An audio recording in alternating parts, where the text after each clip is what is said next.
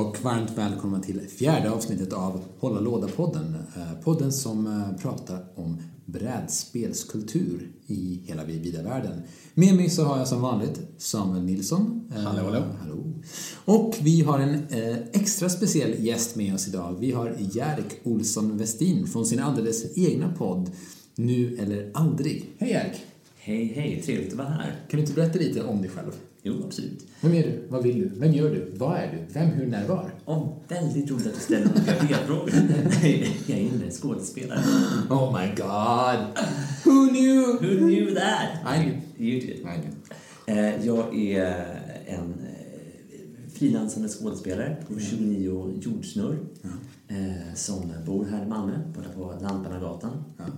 Och eh, en hel del med Bombin Bombast. Det är jag. Eh, Har en brinnande intresse för det här med brädspel. Ja, vi har spelat mycket brädspel ihop, och jag. Ja, visst. Det bästa sättet Gjort massa brädspelsreklamfilmer och Ja. brädspelsfilmer och brädspel. live. Live. Gammal lajvare är jag också. Är det sant? Ja, absolut. Jag lajvade eh, hela högstadiet och gymnasiet. Till min stora skam. Nej, det är ju fint men... no more. No more! Now I'm a proud liver! No, only board games. Yes, no one more. Men, eh, och, så- och, och du är även känd, så här, Jerker Olsson Westin, även känd från Nokia-reklamen. Det är korrekt. Om ni tittar på TV under det kommande året och ser en kille som hoppar upp i en isvak samtidigt som en mörk och eh, maskulin röst säger Up in the cold north we are used to creating things that you can rely on. Då, och sen så kommer en kille upp ur den här isvaken. Då är det jag. Det är du. Det är jag i isvaken. Så det är alltså poddens första kändis. Ja, precis. Eh, Det är en stor ära att vara poddens första kändis. Så eh, kan du inte berätta lite om din podd, Nu eller aldrig? Jo, precis. Ja. Det är- en eh, marxistisk podd som jag driver tillsammans med min lilla syster Katja Olsson Westin. Eh, som, och Nu eller aldrig, det är det namnet den har därför att nu eller aldrig tycker vi då att den marxistiska revolutionen borde komma. Eh, som Bob Hund brukade säga, väntan börjar bli lång. Ja, ja. Eh, Fint, spännande. Ja, men precis. Vi pratar om... Jag tycker att alla borde lyssna på den, den är jättebra. Ja, det, nu, vi pratar på ett skämtsamt sätt om eh, det som händer idag. Eh, så kan du få ett marxistiskt perspektiv på det hela. Ja, ja det var en, jag, jag har bara hört de första fyra avsnitten, men... Ja, då hade vi inte så bra ljud heller, men nu har vi... Nej, men nu... Ja, Bump it up! Bump But it up. a notch! Ja, det är mycket Coolt. smäcket och... JJ and K-Cat har jag sagt att ni ska kalla er från och med nu. ja, det, det tycker jag är bland det snyggaste någonsin jag hört. Så det kommer vi ta på. Ja. Mm, absolut. Vad ska vi kallas? Steffe och Sanne. Nej. jag älskar ditt konkreta så. Nej. Nog med förslag. Med förslag. Eh, då går vi vidare i vår podd. Yes. Så, eh, vi går som vanligt till vårt nästa tema som är vad har vi spelat sen sist vi snackade? Eh, och ja, vi börjar med vår eh, alldeles egna kändisgäst här, Jerk. Vad har du spelat sen, sen sist? Sen sist. Ja, Ja, men vad, sen, vad har du spelat eh, närmsta tiden? Har du spelat något? mm, absolut, det har jag. Vi hade middag förra veckan eh, för några kamrater och då spelade vi eh, Resistance. Ooh. Men det var ett riktigt trevligt sätt att avsluta en våffelmiddag måste jag säga. Hur o- mycket ovänner blev ni? Men, men det är ju det som är så roligt. Vi blev verkligen ordentligt ovänner innan vi liksom lyckades landa igen i den här fantastiska flamsiga...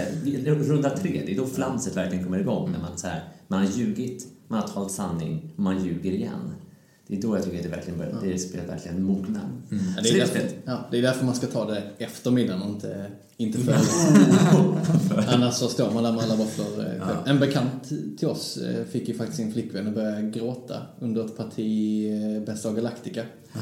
Hon, hon, hon hävdade att hon inte var uh, traitorn och de pushade henne så hårt att hon började gråta. Är, det, är det någon som du tror, du tror kommer lyssna på den här podden? Ja, Så no names occurred här. Det är nyttigt med sådana spel. Ja, man ser your true colors. spel väcker ju känslor. Ja, det är det verkligen. Det ska det göra. Ja. Annars har jag precis skaffat en ny dator eh, och eh, där spelar jag mycket Warhammer, Total War. Ja, det är så jävla kul. Ja, det är jag är så fast i det. Ja, Spelar timme efter timme. Ja.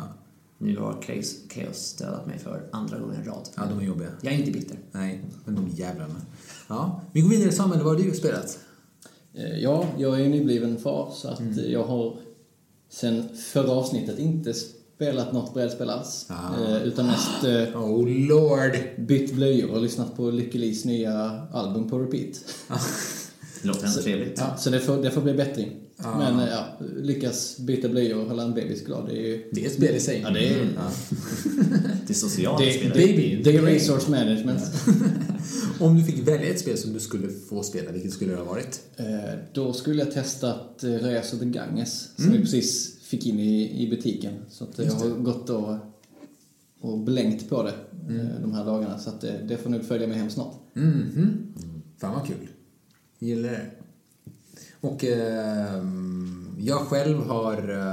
Fan har jag spelat? Jag har inte spelat så mycket. Jag har spelat Magic the Gathering mest hemma för att jag har ju precis flyttat så alla våra brädspel ligger i stora kartonger. Och fördelen med Magic... Brädspel brukar göra det. Ja. ah. Eh, med kartonger menar jag flyttlådor. Eh, Men Magic är ju så litet och nätt så man kan bara ta en booster och rippa den och spela den. Men det är det jag har gjort. Däremot så såg jag, apropå förra avsnittet, för vi, då pratade vi om il- illustratörer och artister och vilka vi, illustrationer vi tyckte var snyggast och vackrast och hur mycket gör en bra eh, grafisk design till ett brädspel. Oj, ja. Eh, och där vi hade lite liksom, eh, visst vi båda tyckte att det var relevant och viktigt men fortfarande så hade vi lite olika åsikter jag och Samuel om hur mycket det spelar roll för oss. Eh, men jag såg ett spel hos er som kostar skjortan, som kostar typ 1 5 på biblioteket, som, som heter typ Giant Killer Robots. Ja, Heavy Hitters. Heavy Hitters ja. Ja. Som jag, jag vet inte om det är bra eller uruset, förmodligen är det ju cass men Ja, det har blivit ganska hypat. Ja, så det, det har det. Det är nog inte helt... Eh, Ja, alltså jag är ju skeptisk till alla spel som kostar över tusen spänn. Eh, men det är modeller i. Men det är modeller i... Det är jättestora robotar. Alltså det är jättestora robotar som typ förstör skyskrapor. Det, det, det, det är så här typ ett meckaspel. Fantastiskt. Men framförallt så illustrationerna såg ut som, eh, typ så påminner mig om Borderlands, eh, spelet. Så det var, jag blev ju genast sugen på att spela det. Kanske inte köpa det, men eh, vi får se. Vi får se om, om jag får tillfälle att spela det någon. Annars har jag också spelat mest digitala spel. Jag spelar just nu Detroit Become Human. Det här nya Quantic Dream-spelet där man ja, eh, tar sig an rollen som tre olika androider och följer tre olika tidshistorier och hur vi i en så här postdystopisk framtid eh, lever i en värld där androider och människor så här, på något sätt samarbetar. Androider är mer eller mindre människornas slavar. Eh, och sen visar det sig att eh, en och annan med android försöker slå sig fri från det här slaveriet. Kul spel, jag gillar det. Jag, Lite jag Westworld känns det som. det, alltså, det är så mycket teman kring det här just nu så det är Inga spoilers, jag har inte hunnit titta än. Ja, då eh, säger vi ingenting om Westworld. Eh, alltså om vår vän Svante hade, hade lyssnat på det här så hade han bara... han hatar spoilers. Du kommer förmodligen lyssna på det här Svante så vi, kan, vi, kan, kan vi inte bara sjunga en sång till Svante och säga Svante i stämmor? Ett, två, tre. Svante. Fan vad glad han kommer bli tror jag. Ja. Ja. Eh, ja, då går vi vidare. vidare. Det här att stänga av sina mobiltelefoner va? Förlåt, det var ett mycket viktigt alarm. Byta blöjor Nej. Vi, vi säger att det var byta blöjor Mm. Och nu är det bytt. Nu är det bytt. Nu är det Oh, bytt. Uh, and now, after the break. Eh, vad heter det? Nu ska vi prata lite om, om, om nyheter.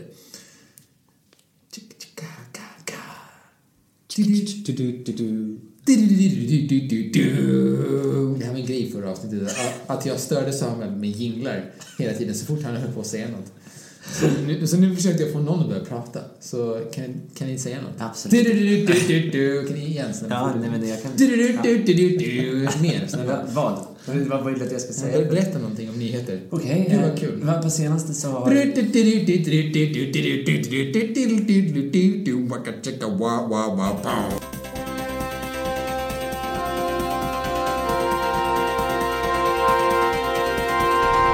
Så har man under den senaste veckan uppmätt extra höga nivåer.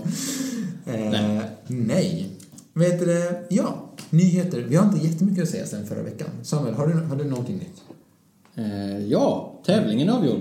Tävlingen är avgjord, tack. Eh, Gud vad spännande. och tävlingen var alltså...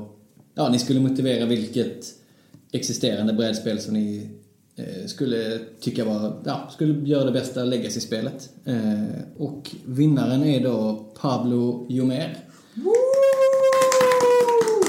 Eh, som för övrigt har eh, varit med och gjort spelet Zomaka.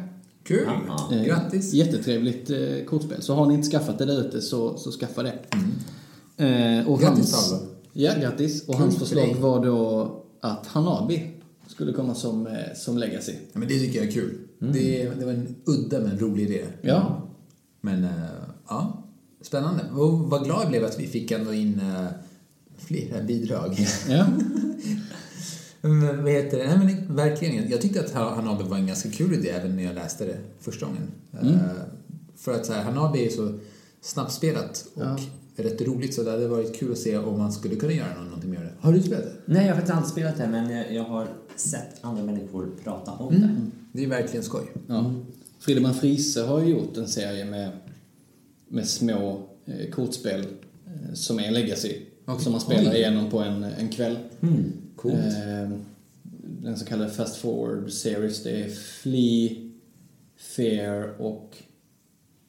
Om Fortress ingår i den också. Han har gjort några som är i samma, eh, samma storlek. Okej. Eh, jo, Fair, Flea och Fortress eh, måste det vara.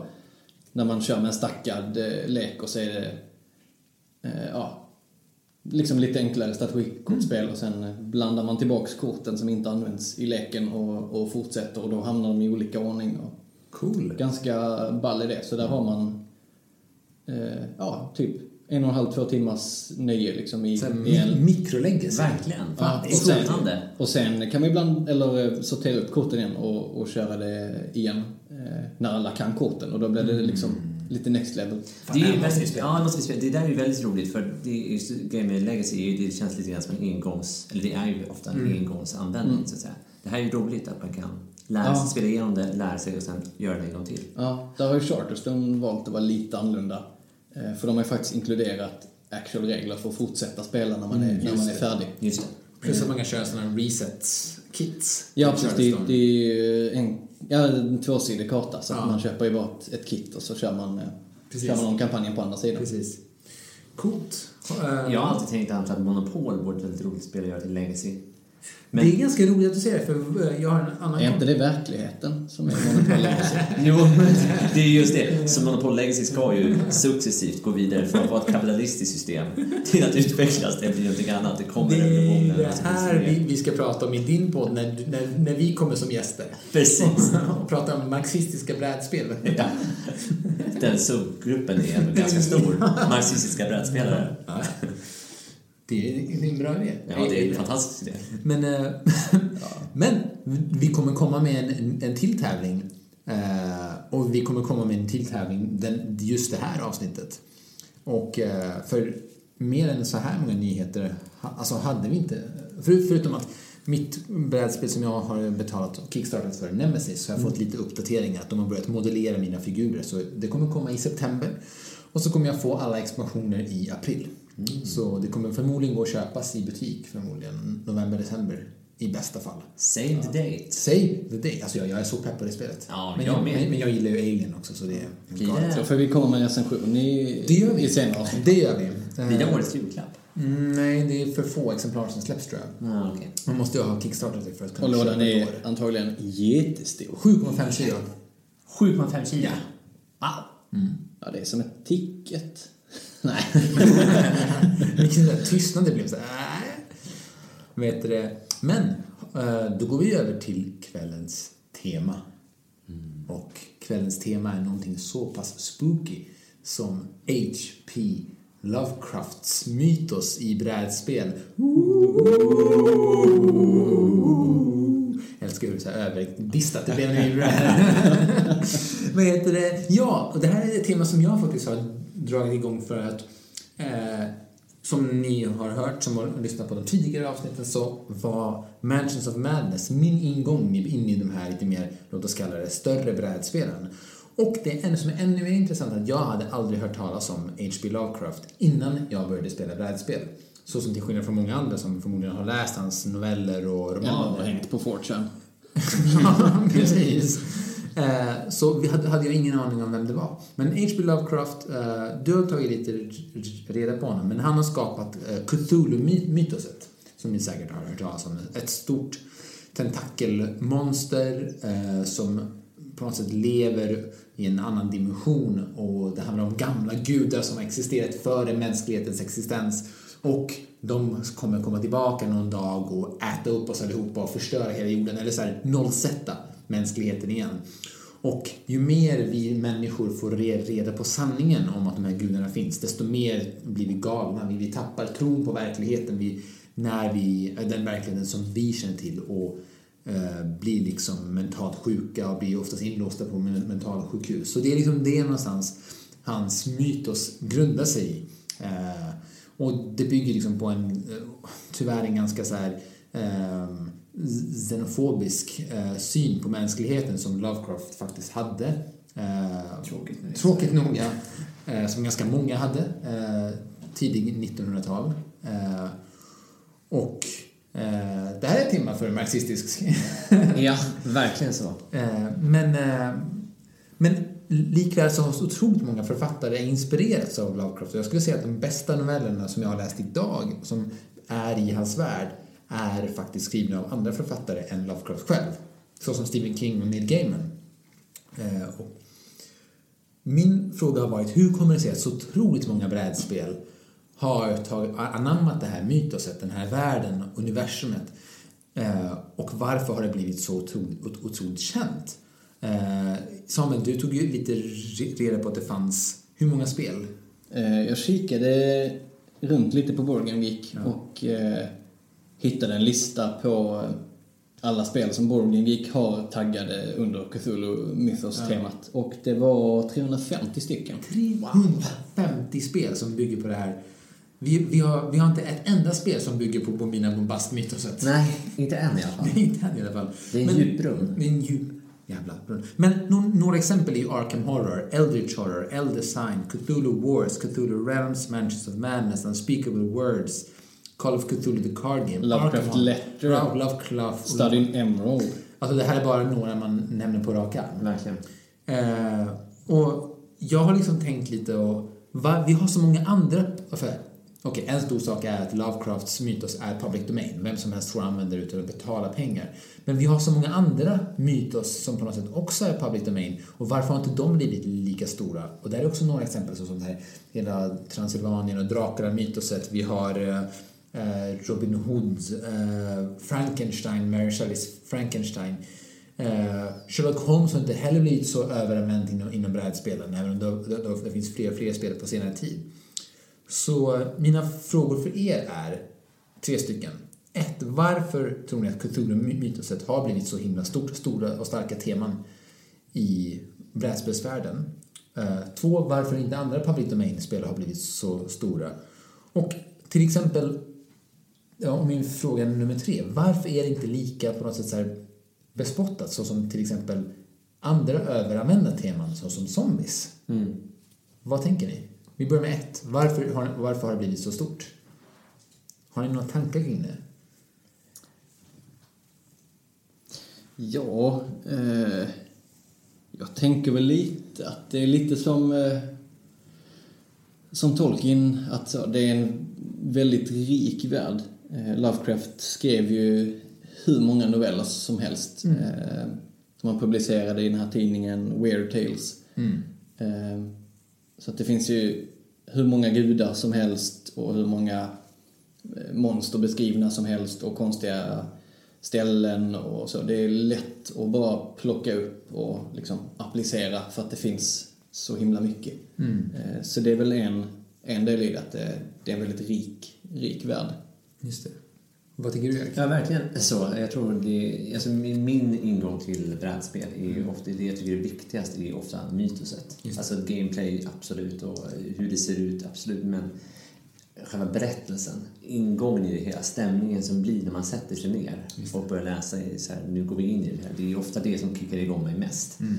Eh, och eh, min första ingång till Lovecraft var faktiskt när jag läste någon serietidning med eh, den här, det är någon berättelse om någon hund med stora drakvingar som flyger runt och jagar upp några stackars eh, akademiker eller sånt där. Jag tror de heter Hounds of Tindalos. Säkert. Alltså, och, eh, och jag minns liksom när jag läste den, bara så att det blev så här, wow, det var en sån, eh, det fanns en här speciell nerv i det hela. Just det. Så jag tror, och det, jag bara tänker, just den nerven, det, det här mystiska, det, det är lite feberaktiga. Och jag minns att de karaktärerna i den här berättelsen blev ju galna till slut då, för att de blev jagade och till slut så tar de livet av sig för att det, det blir för mycket, de klarar inte av det. alltid så. Och jag tror att det är det man blir lockad av i det hela, att det finns en, liksom en, en eh, någonting väldigt, väldigt ty, tydligt tema i det hela som, som, som lockar en väldigt tydlig stämning och det tror jag är en ganska bra det är en bra språngbräda när man ska skapa ett spel, att det finns så tydlig stämning i det hela. Lite grann som Sagan om ringen, att nu ska vi ut på ett äventyr, tralalala.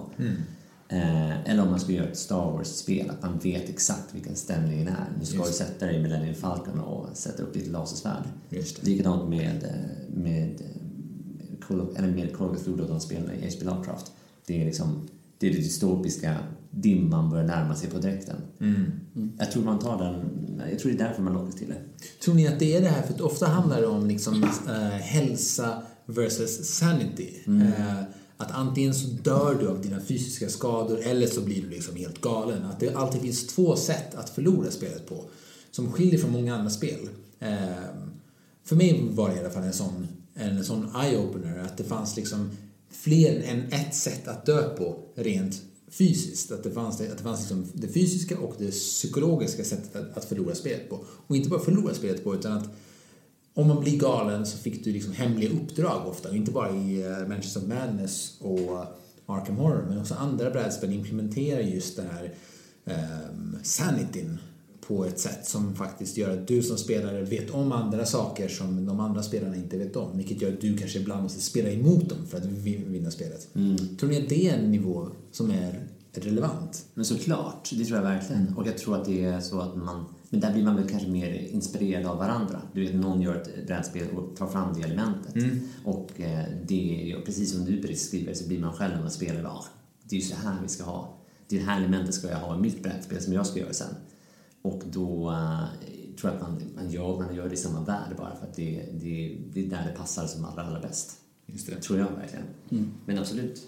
Sen är det ju, det kan väl många hålla med om att det är ju något av det värsta man vet att så, döden är många, många rädd för men att liksom bli galen och inte kunna kontrollera sig och liksom bli ja, så pass galen som man blir i, i de här spelen att man liksom tappar allt liksom. Det, det är ju någonting som, som väldigt många kan, kan relatera till och tycker är läskigt så att det, det skrämmer ju nog de flesta mer än eh, tentakelmonsterna och de flygande hundarna. Mm.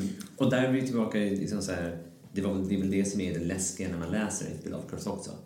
Att man känner hans egen rädsla för att bli galen. Ja, Eh, och eh, det är ju det som liksom är i alla karaktärer. Att de, det finns något som jagar dem, men det, är det som jagas är snarare deras, deras klara tankar. Håller på att försvinna. ja. Lite som Edgar Allan Poe, är samma Ja, där. verkligen. Att, att det, det är vårt inre som är, som är den stora boven liksom, Ja. och det är det man ska vara rädd för. För det är intressant, så Edgar Allan Poe hade ju också varit en klockren person att så här, ta mytos från och göra, och göra berättelser av. Definitivt. Ursula Le Guin också liksom. Men Ja, det, det, det finns ett spel som heter Nevermore. det gör det. Ja, eh, jag har inte spelat det, men eh, vill ha det mest bara för att det är en eh, söt kopp på framsidan. Ja, precis. Men, men, men, men är det inte också ganska kul att bli så här förrådd av, eller så här, möjligheten att, att, att bli förrådd av sina medspelare? Sådana som du har liksom lagt så mycket tillit till, för ofta är det samarbetsspel, för ofta, alltså det är antingen eh, uh, att, att man spelar som de här uh, investigators som ska liksom utforska sanningen och hitta liksom och, och slåss mot de här monstren. Sen finns det ju Cthulhu Wars också som där du faktiskt det är en ganska kul ingång, så här, världen har redan gått under. Så här, om de här gudarna kommer fram så finns det ingen räddning, det är inga människor som kan liksom stoppa oss. Eh, Som, som kan stoppa de här gudarna, utan då är vi fucked. Kommer gudarna så kommer det bara handla om vilken gud är starkast. Eh, Så de kan liksom glänsa över, över varandra, så då krigar de. Men ofta så han- handlar det om oss som människor som, som försöker stoppa den här, den här eh, ofrånkomliga döden som kommer med de här gudarna. Och då har man lagt ner så mycket tillit och tro på varandra att det blir också en, både ett kul men också ett ganska jobbigt element att någon kan förråda oss. Så som Re eh, Resistance eller, eller Battlestar Galactica. Verkligen så. Det är ju ett väldigt roligt element. Men och i, som en spelteknik, att man, liksom så här, man, kan inte, man vet inte hur länge man kan inte. Och det lockar ju också an till att så här, har du förrått mig eller är det bara jag som börjar bli galen och paranoid här? Så då spelar man ju ännu en gång in på den, Ja, det blir lite, lite meta när spelet börjar gå ut över spelarna liksom, Ja, personligt och så. Men för att säga kring eh, Cthulhu Wars, Mm. så där får man väl ändå säga, som det sades i början också, jämfört med Tolkien, alltså det är ju också väldigt häftiga karaktärer. Jag vet själv när jag spelat det. Cthulhu Wars att jag väldigt gärna bara läser beskrivningen på de olika gudarna Mm. här som har kommit till jorden och det är ju väldigt mastigt och mysigt ändå. Alltså det är spännande karaktärer. Ja, det, är, det- är det första man gör när man spelar eh, eh, så Cthulhu-baserade spel. Att man eh, i, Fancy Flight-spel när man så slumpar fram en av gudarna. Först kollar man ju liksom flavortexten. Och så, Ja. Åh herregud, vad är det här för någon gud? Och sen börjar man kolla statsen och, och då är man redan rädd. Eller hur? Exakt, bra förklarat där. Att det är så sällan man faktiskt tar sig an och läser vem eh, ens karaktär är innan man liksom eh, kollar hur farlig den är. Så det är intressant. Men i de här spelen är det ofta, det är halva spelet. Ja. Att du har liksom förberett dig långt innan. Jag har, jag, har tänkt på det här också. Handlar det, kan det inte också handla lite om att det inte finns en tydlig antagonist i det här mytoset? Att vi i Sagan om ringen, vi har ju de här ringvålandena, vi har ju Urkajerna, Orcherna etc. Men det är fortfarande Sauron som är den stora skurken. Eh, I Dracula så har vi ju hans vampyrer och medhjälpare, men det är Dracula som är skurken. Eh, I uh, Frankensteins monster så har vi Frankensteins monster som är liksom det onda. Ja, det är faktiskt i- Frankenstein som är bov. Jo, Frankenstein är boven i och för sig. I Star Wars har vi liksom uh, The uh, Vader som är Ja. i första hand ond, men sen har vi The Emperor. Så det finns alltid en skurk, men här är det så här, visst, vi, säger, vi, vi kan se, säga Cthulhu, men det finns ju så många andra gudar som är mycket farligare och, och, och, och det handlar snarare om hur vi uppfattar de här gudarna. Eh, vad, vad tänker ni om kring den idén? Att, att, att det inte finns någon tydlig antagonist, utan- vi människor är våra egna, de värsta antagonisterna. Ja, men det är ju jätte- jättespännande. Och bara, alltså det var det, det första eh, H.P. Lovecraft-spelet som jag spelade var eh, Arkham Horror. Mm, just det. Och just det att man fick välja, en, eller man skulle dra en slumpaktigt dra en, en, eh, ett monster i början, eller en stor gud då, som man ska bekämpa. Och att det, det är inte bara att man ska välja en karaktär, utan man, ska faktiskt, man, ska, man kan få vilken som helst och de har olika kvaliteter. Det var ju extremt spännande. Vem är det som jävlas med oss nu? Ja men verkligen så. Och det gör att man måste ändra sina taktiker, ändra sitt tillvägagångssätt. Um, men också så här, sättet man spelar mot varandra. Och att man kommer värdera dem olika mycket. Jag minns att vi spelade flera, flera gånger och du vet när man drog vissa av de här gudarna så var det det bara drogs en djup suck i hela sammanhanget för att man, ja men de här kommer vi alltid kunna vinna på. Nu kommer Cthulhu och då, då vet vi att då är det ju mer eller mindre kört. Ja. Ja, det finns en av gudarna i Elder Sign som, eh, om man inte lyckas då innan klockan gått runt ett visst antal varv och den guden kommer in så ska man slåss mot den. Men en av gudarna har liksom inga stats utan det står bara eh, He devours the world. Ja, just det. The end is here. Och, och, då, och det är det som händer liksom. Ja. Vi dog. Oh, vad är det den, den, den guden heter? Ja, ja, det, här, det här minns jag. Uh, Du menar den guden? ja.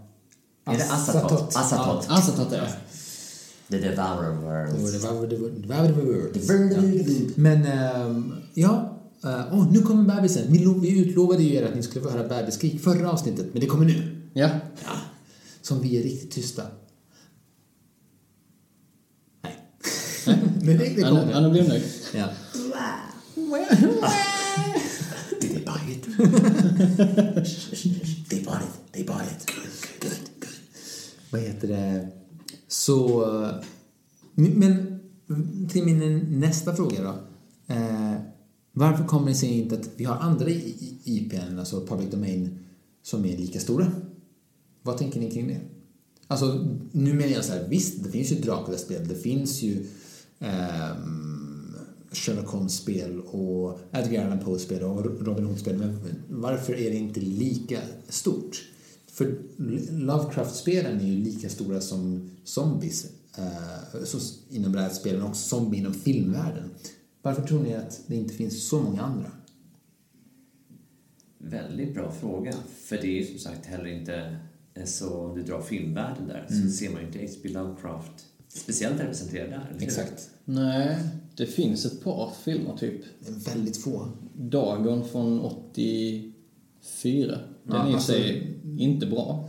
Nej, men The Mist finns ju som jag tycker vä- väldigt mycket om. Det, det finns ju några som är inspirerade av Love- Lovecrafts värld, Ja. men inte, det är inte, det är inte så här exploaterat. Verkligen inte. Och jag tror, eller hur, man har inte, och den, jag tror The Mist har ju kommit ut för att det är Stephen King som har skrivit den. Exakt. Så, och då har man nog kanske snarare litat på King-namnet än Lovecraft-namnet. Sant. Sen är det ju lite, första säsongen av eh, True Detective Ja, har, Eh, har ju- Yellow, ja. Ja, har ju lite, lite Lovecraft eh, högst suggestivt. Det påverkar inte jättemycket storyn, men det, det antyds tidigt och sen eh, är det här, spoilervarning, det här eh, stora warp-hålet i en av slutscenerna. Mm. Men, men eh, The King in Yellow är ju i sin tur skriven av den här Robert Chambers. Ja. Som är liksom så här, det, det är liksom... Ja, den tror jag är baserad på en riktig person. Alltså original King Yellow som sen eh, Lovecraft har baserat King Yellow eh, i sitt mythos på. Ja. Fast då var han en, en människa med minkpäls. Fint. Minkpälsar. Minkpälsar. Ja. Vad de har gjort för vår värld. ja.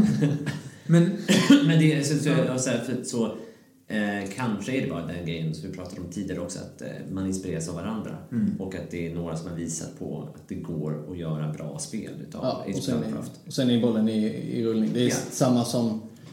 Eh, nu var ju Cthulhu Wars ett av de första så här stora bombastiska brädspelen på Kickstarter med mycket plastgubbar som var Exakt. snordyra. Eh, att någon visar vägen liksom att eh, det här går att göra. Arkham Horror och eh, Call of Cthulhu-rollspelet och även kortspelet sålde ju i enorma mängder i början av 2000-talet. Och det är bara att hoppa på det tåget liksom. Det kommer nog inte stanna av snart. Nej. Zombies är lite gjort. Mm. Eh, Men börja inte så här. Nu tar jag tillbaka till min tredje fråga. För det känns ju ändå lite som att folk börjar bli trötta på Lovecraft-spelen. Är det inte så? Ja, lite kan jag nog känna igen den grejen. Att det känns som att det, det, är, det är en stor kvantitet, uppenbarligen. Det var som i tre, över 300 spel. mm. Ehm, men där, alltså, så här, det finns fortfarande, det, fin, det är en väldigt djup brunn och gräva ur, som sagt. Ehm, och för att dra tillbaka till typ så här Robin Hood eller Dracula så. Det görs ju sådana spel, men då har man liksom kanske baserat det på just det mytoset. Och eh, jag tror att anledningen till att de inte blir så stora är för att man kanske inte hittar något speciellt intressant. Alltså om man skulle göra ett Robin Hood-spel som hittar en motsvarighet till det här med Sanity. Typ. Att man hittar en helt ny spelteknik som frigörs tack vare Robin Hood. Ja, USPen är nog inte lika, lika stor där. Alltså, det har gjorts lite Dracula-spel och de går ju ut på lite samma sak. Någon är Dracula, de andra jagar Dracula och sen dör Dracula. Ja, men, men det är det här jag, jag menar, att man ofta hamnar i samma, eh, liksom, vad ska man säga, cirkulära rutiner. Det är så här, ja men det här är Dracula, en spelare Dracula, vi måste döda Dracula. Det är ett Dra- Dracula-spel. Eh, om man skulle spela ett eh, Robin Hood-spel, då är det så här, okej, vi är vi är marxister som ska ta från de rika och, och, och dela ut till de fattiga. Eller, eh, vad heter det, jag, jag vet inte, så Sagan om ringen. Vi beger oss ut på ett äventyr och så ser vi vad som händer. Det är liksom, det intressanta kan väl också vara att det har blivit så, så stort det är för att det på något sätt har så många olika vägar att gå. Verkligen. Ehm, Men jag vet ju fortfarande inte så här... Det känns som att man... Det, det hade inte behövt vara så svårt att göra spel på andra teman. Just Dracula hade, varit, hade kunnat vara exakt samma sak som uh, Cthulhu-mytoset när, man- när man tänker på det. För det handlar ju också om så här att han får folk, folk att bli galna och... Man skulle kunna använda sig av samma mekaniker, är det inte så? Jo, verkligen. Men jag tror att du också var inne på det när du pratade om det här med, med fiender kanske. Att eh, i, i många spel, alltså i Dracula-mytoset så är ju Dracula den som är ond. Mm. Och även om vi nu ska säga, alltså om vi kör typ en werewolf av eh, Dracula så är det, så här, det är en som är Dracula, det är som bad guy och vi alla spelar mot den. Eller så spelar vi alla co-op mot Dracula. Eh, men det är väldigt sällan det kan bli mer, eller man, man tänker att man kan gå mer spännande än så. Att det kanske är, vi spelar alla som, som Dracula och vi ska försöka få de här byfolket att bli vampyrer eller något i den stilen. Så, här. men där är ju, där är ju gränsen ganska suddig i H.P. Lovecraft. för att det. alla är, och även liksom de här karaktärerna som man spelar som, som människor är ofta mer eller mindre galna och mer eller mindre onda de också. Temat gör sig nog lite, eller det lyser igenom mycket starkare just för att det är så mörkt och alltså det är gudar och det är monster och eh, det är ett väldigt starkt tema. Eh, zombies är ju zombies, Robin Hood är Robin Hood. Ja. Det är hur mycket man än trycker in av temat i ett spel och liksom gör det flavorful och snygg art så det lyser liksom inte lika, lika starkt. Det är precis, alltså det finns en miljard Sagan om ringen-spel just för att det är, det är så, så starkt tema liksom. Det, det, skil, det skiljer sig. Eh, Lovecraft-spelen, så du ser tentakler på ett spel. Du ser det inte på, ja. Ett Robin Hood-spel hade lika bra kunnat vara vilket medieval-spel som helst liksom. Ja, just det. Eh, Verkligen.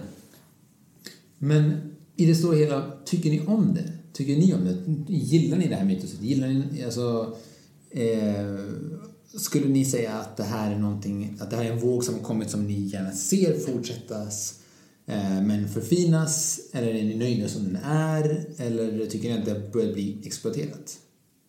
Eh, Ja, bra fråga.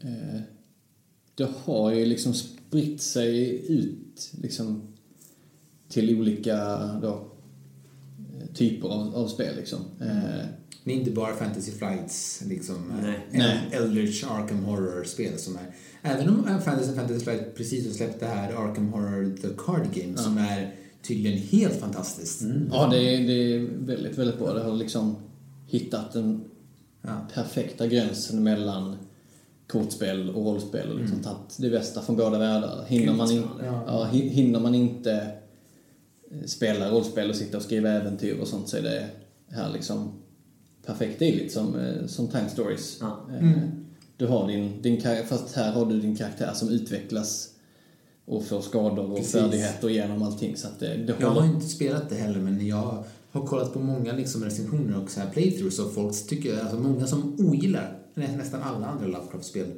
Cthulhu-spel tycker det här är jättebra. Ja, men rent mekaniskt så är det ju, tycker att det är lite bättre eh, än de andra.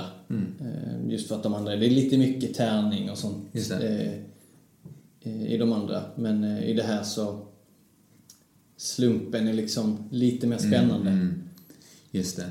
Och, och, och, och bara för att jag, jag, märkte att jag tog ifrån din, eh, ditt svar på min fråga, men för att återgå till den. eh, Du var lite inne på att så det börjar sprida sig mer till indiespelare, alltså till indie gamers, indie game developers och inte bara storföretagen som gör andra sorts spel i mytoset. Det var, det var det du gillade liksom? Att, Ja, jo, precis. Eh, ja, eh, men sen är ju frågan hur, hur långt det kan spridas. Och Precis. Kan man, kan man göra ett schysst Eurogame i den här världen utan att liksom, tappa temat? Eh, för att ett så starkt tema måste ju vara liksom, närvarande i varenda liten, liten del av spelet. Och då ja, det kan bli svårt.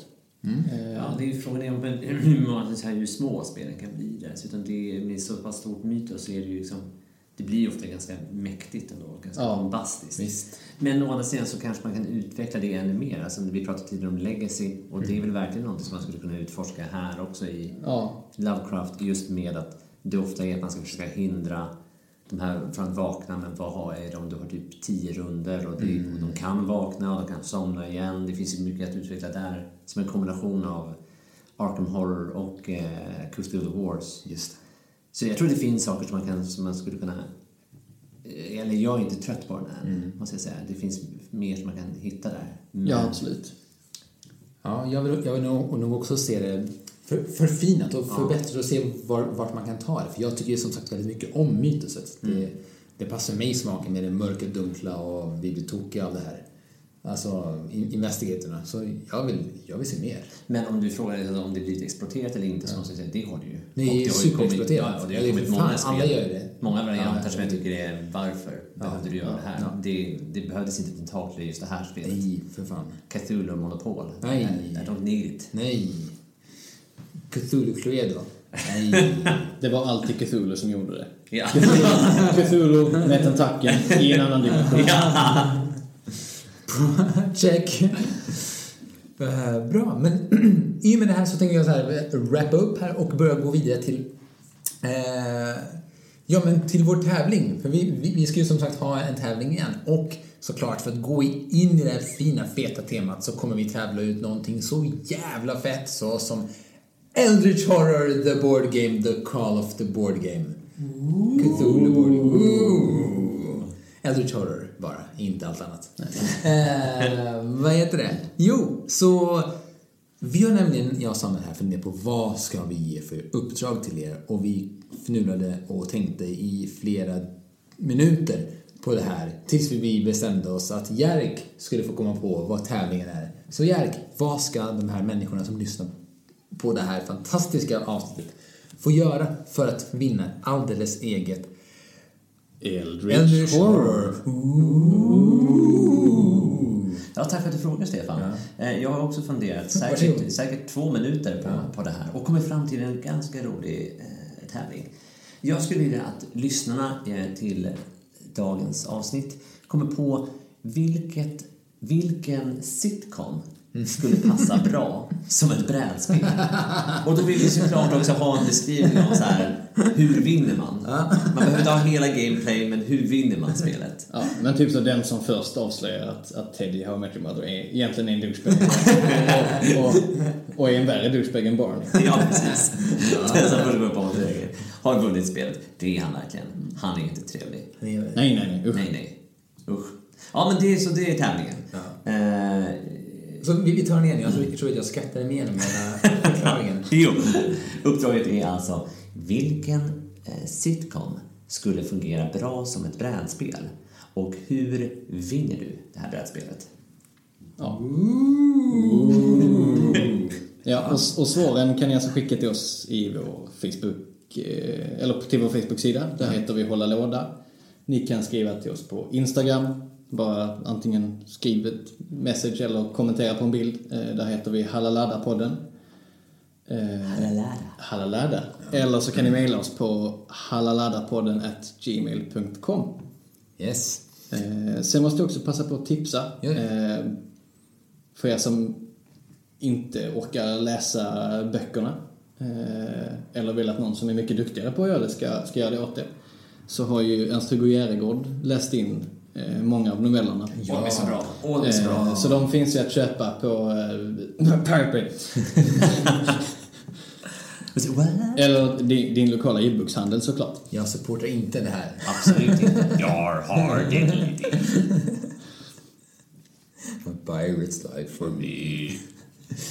Eh, men- när den kommande revolutionen kommer så kommer vi alla ha Ernst-Hugo Järegård äh, jo, gård gratis. Hörde du det? Eh, Det vill jag bara sagt. Och det är det nästa nu det aldrig kommer handla om. Ja, precis.